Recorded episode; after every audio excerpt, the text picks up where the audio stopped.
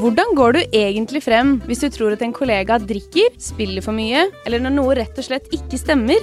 I denne podkasten tar vi opp temaer som av mange oppleves utfordrende å snakke om, og hvordan du går frem for å gjøre noe med det. Din kollega Petter kommer eh, sent på jobb og ser ut til å være i bakrus. Du er den første som møter han. Petter er kranfører. Hva gjør du? I risikobedrifter som i byggebransjen er det nulltoleranse for rus. I dag skal du få høre hvordan en slik bedrift, med over 5000 ansatte, jobber med forebygging og håndtering av rus, avhengighet og problematisk spilleatferd. Dagens gjester kommer fra AF-gruppen. Velkommen Sigrun Vangen Lid og Espen Jahr. Takk. Vi kan eh, begynne med intro av eh, dere to. Dere har jo Dere jobber jo eh, med den tematikken på litt ulike måter. Vi starter med deg, Espen. Ja, jeg har jo bakgrunn fra bedriftshelsetjeneste, som jeg jobba med siden 2001. Og så har jeg jobba i AF-gruppen siden 2006. Og de siste 15 årene har jeg vært leder av AFs interne bedriftshelsetjeneste. Og der har vi jo satt rus og Akan-arbeid på agendaen siden ja, 2008.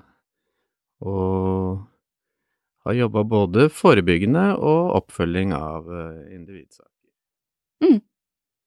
Sigrun? Mhm. Jeg er jo HR-sjef i AF-gruppen, jeg har jobba i AF i elleve år. Men før det så har jeg jo jobba i andre større bedrifter òg, innen HR, både strategisk og veldig mye operativt. Så innen det arbeidet her så har jeg møtt veldig mange mennesker, og generelt engasjert meg i det, da. Mm. Mm. Ja. Og vil noen av dere si litt kort hvem er AF-gruppen? Ja. AF-gruppen eh, ser er jo nå etter hvert eh, den nest største entreprenøren i Norge. Så ja, hun ser over 5000, så snart 6000 faktisk. Mm. Har vel løpende sånn ish 3000 eh, prosjekter løpende hver dag. Og det er fra store, store milliardprosjekter, veiutbygginger, til mindre prosjekter, da. Og samtidig så driver vi så med mye miljøarbeid, riving og gjenvinning og energiarbeid. Mm. Mm. Ja. Og bransjen deres kjennetegnes jo ved at HMS står veldig høyt. Det er mye risiko i veldig mye av det dere jobber med. Mm. Og der er jo også selvfølgelig mm, nulltoleranse for rus, er det ikke? I hvert fall hos oss. Ja, i hvert fall hos dere. kan man si noe liksom hva som kjennetegner bransjen deres når det kommer til HMS-arbeid? Ja, det er jo et stort spørsmål, men Mm. uh, hvis man tar det litt stort først, da, så ser vi at åtte-ti mennesker dør på jobb i vår bransje hvert år, og flere tusen blir skadd. Og det er veldig mye lover og regler som arbeidsgivere og arbeidstakere skal forholde seg til. Det er jo flere tusen paragrafer som treffer oss. Så det gjør jo at bransjen stadig, vil jeg si, utvikler seg og blir mer strukturert og systematisk. Og i hvert fall de store aktørene blir eh, veldig opptatt av det, med masse stabsfunksjoner, støttefunksjoner, fagspesialister som bistår i prosesser eh, rundt eh, prosjektvirksomheten, da.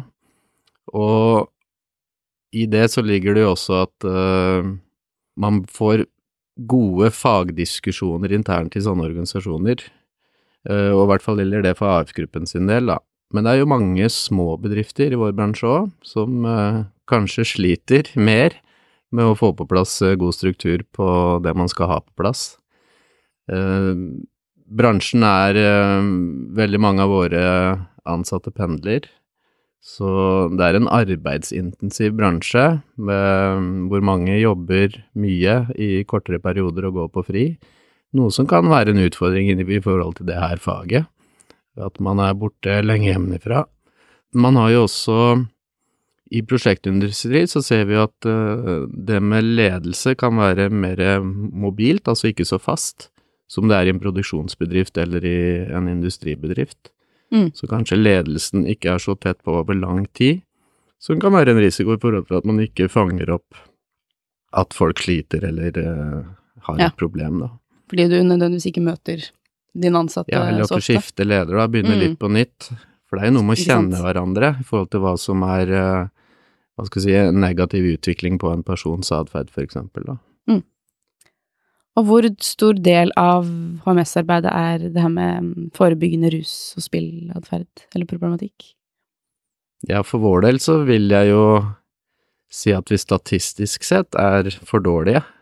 Vi har for få tilfeller i, i forhold til hva dere eh, sier at vi skal ha, og Mm. det er jo bekymringsfullt i en så risikofylt bransje som vår. Mm. Så bare det tatt i betraktning, så tenker jeg at vi har en del å gå på i forhold til å fange opp tilfeller. Og det var jo noe av bakgrunnen for at eh, vi gjorde det vi gjorde i 2019. Mm. Vi ønska å sette fokus på forebygging, prøve å få tak i menneskene på et litt tidligere stadium. Ja, vi kan jo gjerne gå dit, egentlig, for eh, ja, i 2019 så merka dere at noe måtte, noe måtte gjøres. Eh, Hva, hva var det? Ja, det var i hvert fall et innspill fra oss i bedriftshelsetjenesten til bedriften. Vi hadde jo hatt et eh, system og en struktur som var eh, tilbake fra 2008, og egentlig så hadde det ikke skjedd så mye på de 10-11 åra rundt det arbeidet.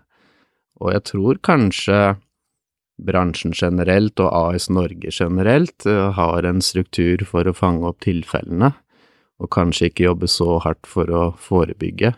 Mm. Så det var et av punktene vi spilte inn, at vi kanskje anbefalte bedriften å bli mer Dreie mer mot forebyggende arbeid. Eh, I tillegg så så vi at eh, spill og gamingproblematikk var noe vi ikke hadde inkludert i våre systemer og struktur, da. Så det var også en side ved det. Så tror jeg etter 10-11 år så var det på tide å kanskje børste støv av gamle dokumenter og, og skrive dem om og få dem litt mer i forhold til både bedriftens praksis og kultur, men også i forhold til ordlyd. Mm.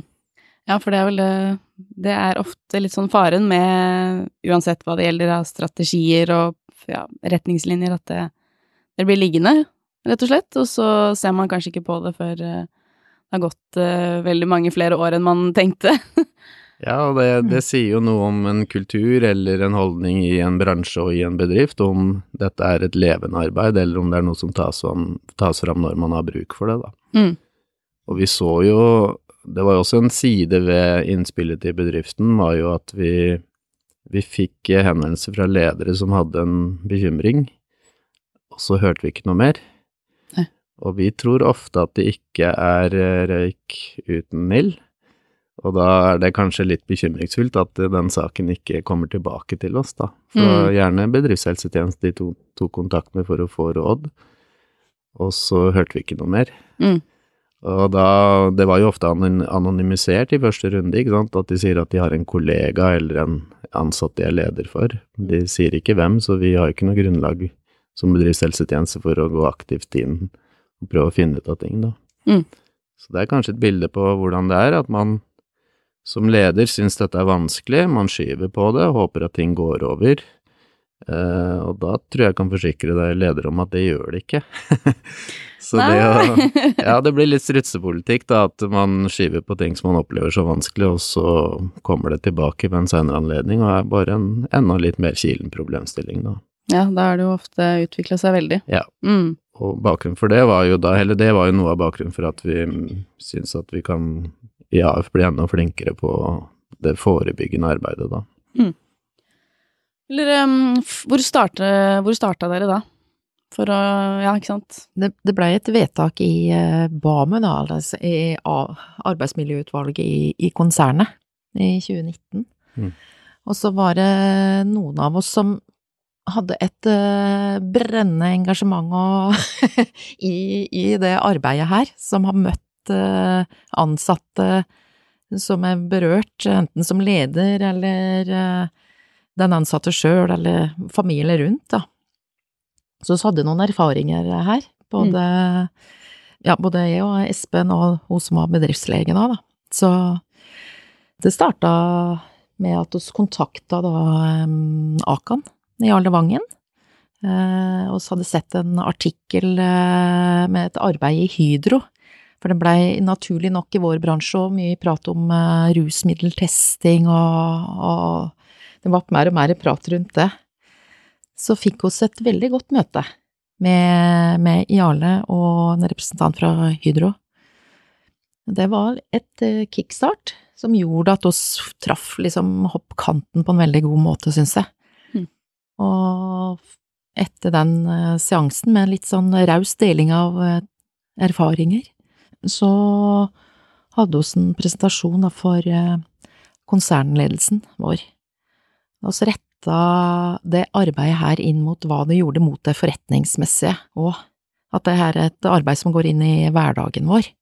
Det vil påvirke både HMS-en som ekstremt sikkert, eh, kulturarbeidet vårt med de beste folka, som må si, og alle er like mye verdt. Mm. Samtidig så har vi verdier òg, da, som det støtta opp under. Så, og fikk go fra konsernledelsen, og da starta oss prosjektet. Det starta da høsten 2020, da. Mm. Selve arbeidet, hva var hovedpunktene dere har jobba med der? Hovedpunktet det var jo å få på plass eh, policyen. Mm. Det, det var jo veldig, veldig viktig. Så har vi jo utarbeida, eller revitalisert, den ene prosedyren med håndtering av saker, og ny prosedyre rundt rusmiddeltesting, som Mm. nevnt. Og så laga òg støttedokumenter til lederen for å trygge lederen i samtaleteknikker, og at de lett kan finne tilgjengelig informasjon da, på intranettet vårt. Så er det jo en side at i 2008, når den strukturen vi hadde ble etablert, så var AF rundt 1500 ansatte. Mm. Så det har vært en veldig vekst med ja, rundt 5500 på det her tidspunktet, da. Og da er det jo mange selskaper som vi jobber med å kultivere under AFs kultur, men de har jo med seg deler av sin kultur og sin forståelse fra der de kommer fra. Så dette med å få til en enhetlig forståelse av hvordan vi ønsker at det skal være under AF-paraplyen, var jo også en sentral del av det her prosjektet, da. Mm. Å rulle det ut eh, i etterkant til alle, og formidle da det nye. Og en policy, det er jo da i denne sammenheng en slags eh, retningslinjer for hvordan man vil ha det på sin arbeidsplass med tanke på rus, alkohol og spill. Både på og utenfor eh, jobb, i hvert fall for mange. Jeg har jo deres her, den er jo kjempekort, men i korte, fine punkter. Så jeg kan jo lese opp noen eksempler av punktene her. AF-gruppen skal skape en trygg ramme for ledere, kollegaer og ansatte for håndtering av saker som involverer avhengighetsproblemer.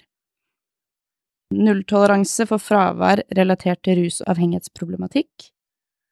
På arrangementer skal det alltid tilbys alkoholfrie alternativer. Og også det her med testing ved mistanke om ruspåvirkning. Og det mm, skjønte jeg at det hadde vært litt diskusjon om. Ja, om, om man skal ha med det. Ja, vi endte jo opp med en egen rusmiddeltestingsprosedyre. Så eh, der måtte vi trå opp eh, vannet ganske nøye, og det blei eh, fine diskusjoner, intense diskusjoner, fordi vi så at arbeidsgiverne og lederrepresentantene i de her støttegruppene gjerne ville utøve styringsrett litt hardere enn det jussen kanskje tillot. Så så der hadde vi veldig mye fine diskusjoner, og det endte nesten med litt dragkamp og, og eh, litt grundig opplæring i hva ju- jussens eh, tegner for rammer, da.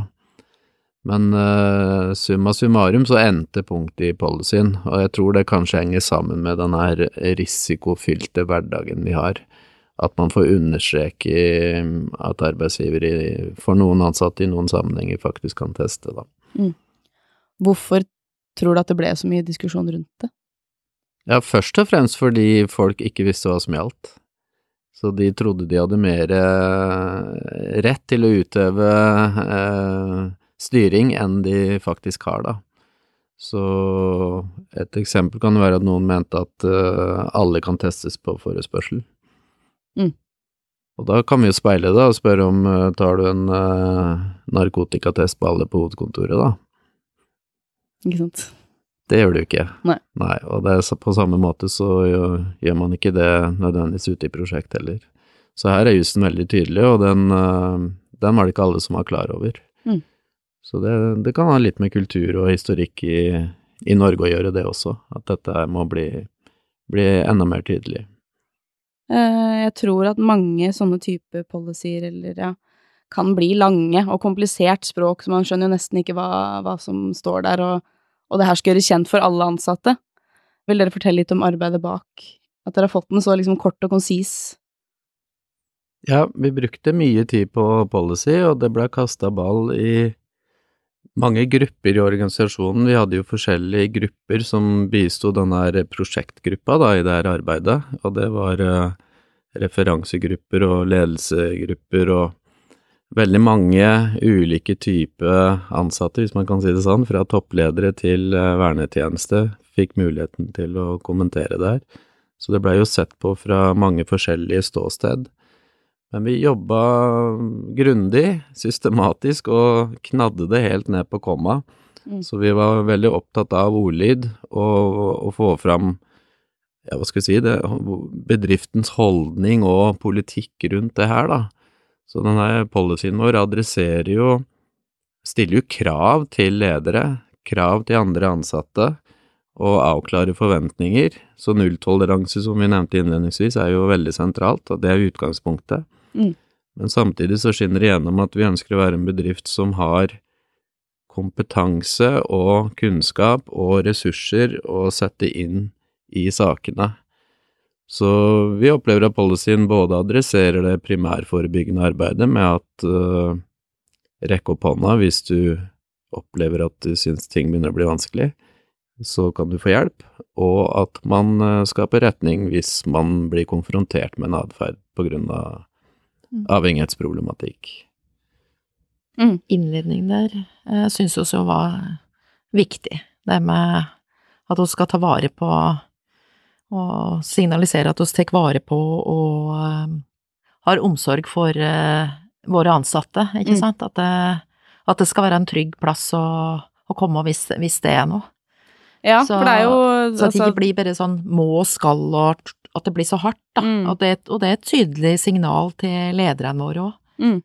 For det er jo um, mange, mange selvfølgelig frykter rundt å fortelle at man har et problem mm, på jobb, men uh, ofte så kan det jo være selvfølgelig det å skulle miste jobben, da, Mm. som kanskje står veldig høyt hos veldig mange. Så det å, å rett og slett ha det skriftlig, at her ønsker vi å ta vare på våre ansatte, eh, og tilby hjelp hvis det er det det er snakk om, det Mm. tenker jeg er kjempeviktig. Mm.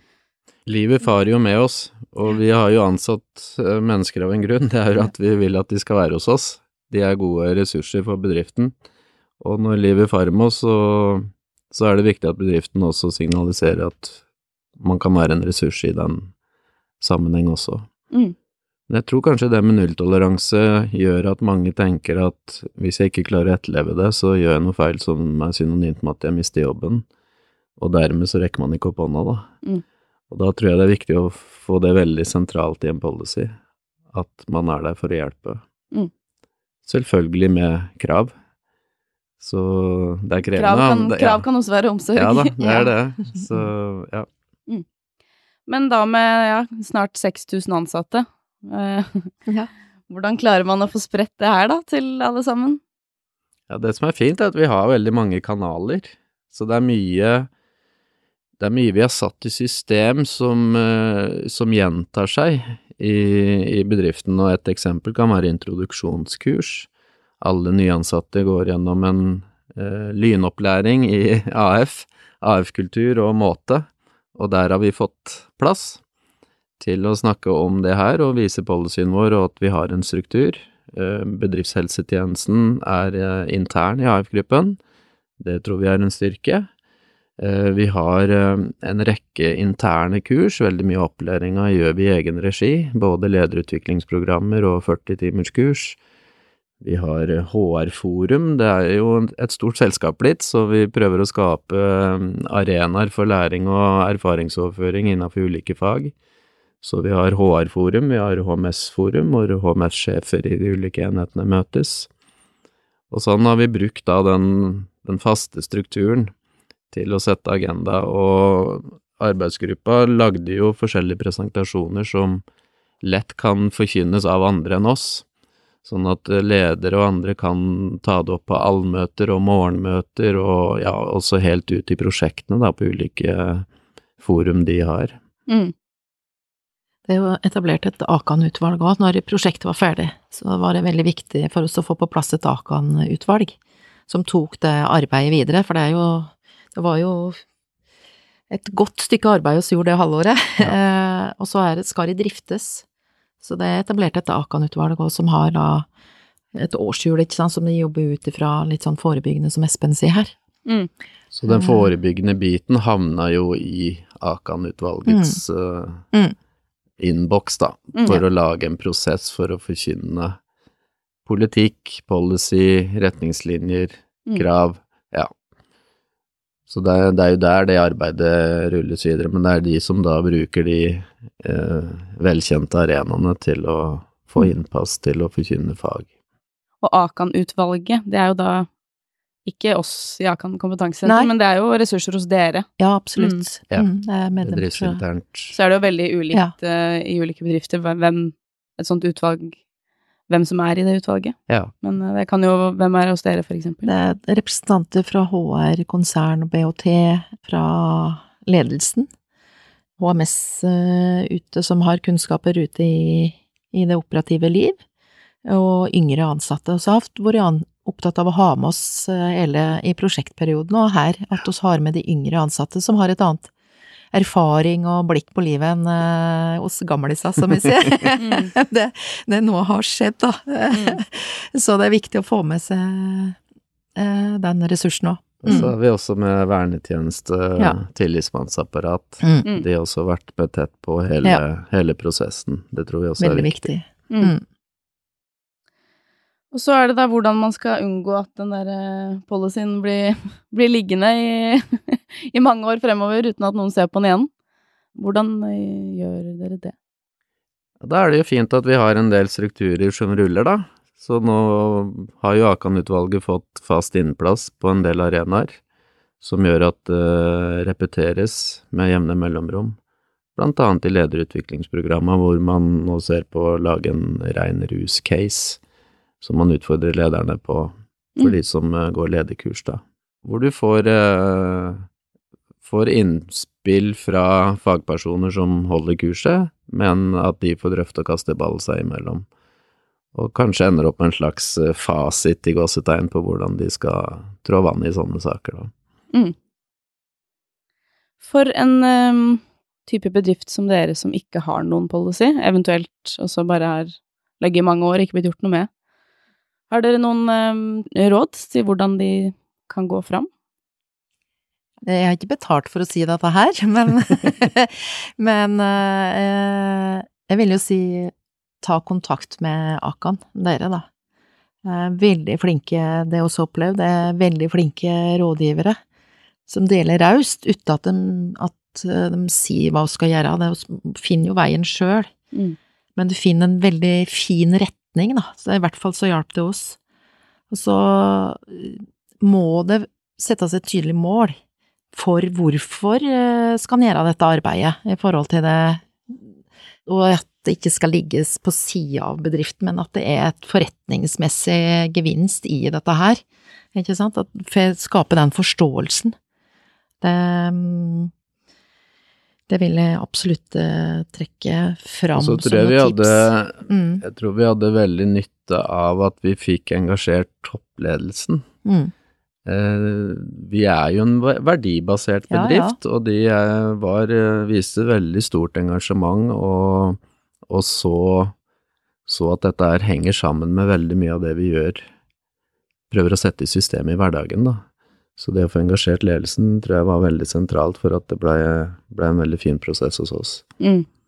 Ja, det føler jeg også det er ofte Nå er ikke jeg noen rådgiver, men jeg hører ofte det at det er liksom suksesshistoriene, skal man kalle det det, hvor de virkelig har liksom fått det her arbeidet satt i system, da er å forankre det liksom i toppledelsen og få de til å skjønne hvorfor det her er noe vi må jobbe kontinuerlig med. Ja, vi hadde i styringsgruppa i prosjektperioden vår, så hadde vi så tre konserndirektører og HR-direktør og HMS-direktør som satt i, i styringsgruppa. Mm.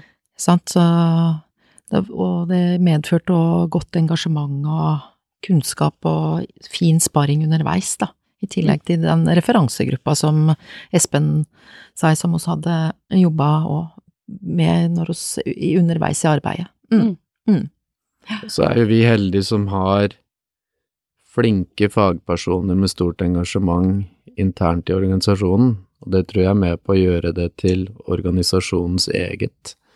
For det er lett å gå på Akan sine hjemmesider eller går til nabobedriften og så kopiere et opplegg, men verdien av det tror jeg blir mindre. Så jeg tror det er viktig å ha en gjennomdiskutert eh, prosess, hvor man ender ut spesielt med hvorfor, da. Mm. Og så kanskje mer underordna hvordan. Mm. For Ja, der er det litt mer fasit, men det å få en god diskusjon på hvorfor vi Mm. vil ha en kongstanke eller en eh, policy rundt det her, det tror jeg er veldig sentralt. Ja, det å tilpasse til, til bedriften er Mm. helt uh, avgjørende. Mm. Ja, dere nevner hvorfor. Hvorfor uh, er det her vært viktig for dere i AF-gruppen? Ja, vi har jo fulgt mennesker, da. Våre ansatte, som eh, kommer eh, ja, får problemer, da, med rus. Mest rus. Vi har hatt eh, gamingproblematikk også. Det var noe av grunnen til at vi spilte det inn, fordi vi så at det dukka opp i vår organisasjon òg. Både dette med pengespill og ja, gamingproblematikk. Men eh, jeg vil jo si at vi har hatt gleden av, både Sigrun og jeg, som BOT-er i flere saker, men også i saker vi har kjørt sammen, hvor vi løser problemet og får folk ut av et uføre. Og det Ja, jeg vil si at jeg har hatt en veldig meningsfull arbeidsdag, eh, hver, hverdag som bedriftshelsetjenestepersonell, men akkurat de her sakene her topper det. Det har vært fantastiske reiser å se folk komme seg ut av det som er et eh, skikkelig uføre. Mm. Og da er det ikke bare kontrakten, arbeidskontrakten, som står på spill fordi man har et rusproblem som går utover jobb, men eh, også familie, helse. Ja, det favner veldig mye der, og det å være med på en reise hvor man får dette her på rett kjøl igjen, det, det er veldig inspirerende. Mm. Og det, det viser jo noe til de kollegaene rundt òg, i hvert fall i de sakene jeg har vært i, så har jo vedkommende som har stått i det, vært relativt åpen. Så det sier jo noe om oss som arbeidsgiver òg, ikke sant, hvordan oss eh, tar vare på folka våre, så det, det bygger kultur for det, Mm. som er veldig, veldig viktig, da. Så er det veldig meningsfullt, Mm. ikke minst. Mm. Mm. Og så har vi saker hvor vi ikke lykkes, i den grad det å få folk ut av et uføre er å lykkes, da. Men eh, jeg tror uansett utfall så har man kanskje starta prosesser i mennesker, selv om det da ikke blir i, internt i bedriften. For vi har saker som ender med at eh, arbeidsforholdet avsluttes, eh, gjerne fordi den ansatte ikke er motivert, eller mener sjøl han eller hun ikke har et problem, da. Og hvor arbeidsgiver mener at konteksten blir uholdbar. Mm. Så det er, det er også en slags vinst i det, fordi de, selv om de kommer seg videre og starter noe annet et annet sted, så har man kanskje sådd noen frø som, eh, som kan spire og uh, gi resultater når den ansatte er moden for det, da. Sannsynligheten er nok stor for at de i hvert fall har starta kanskje en prosess som uh, kommer litt brått på vedkommende, og ja. Ja.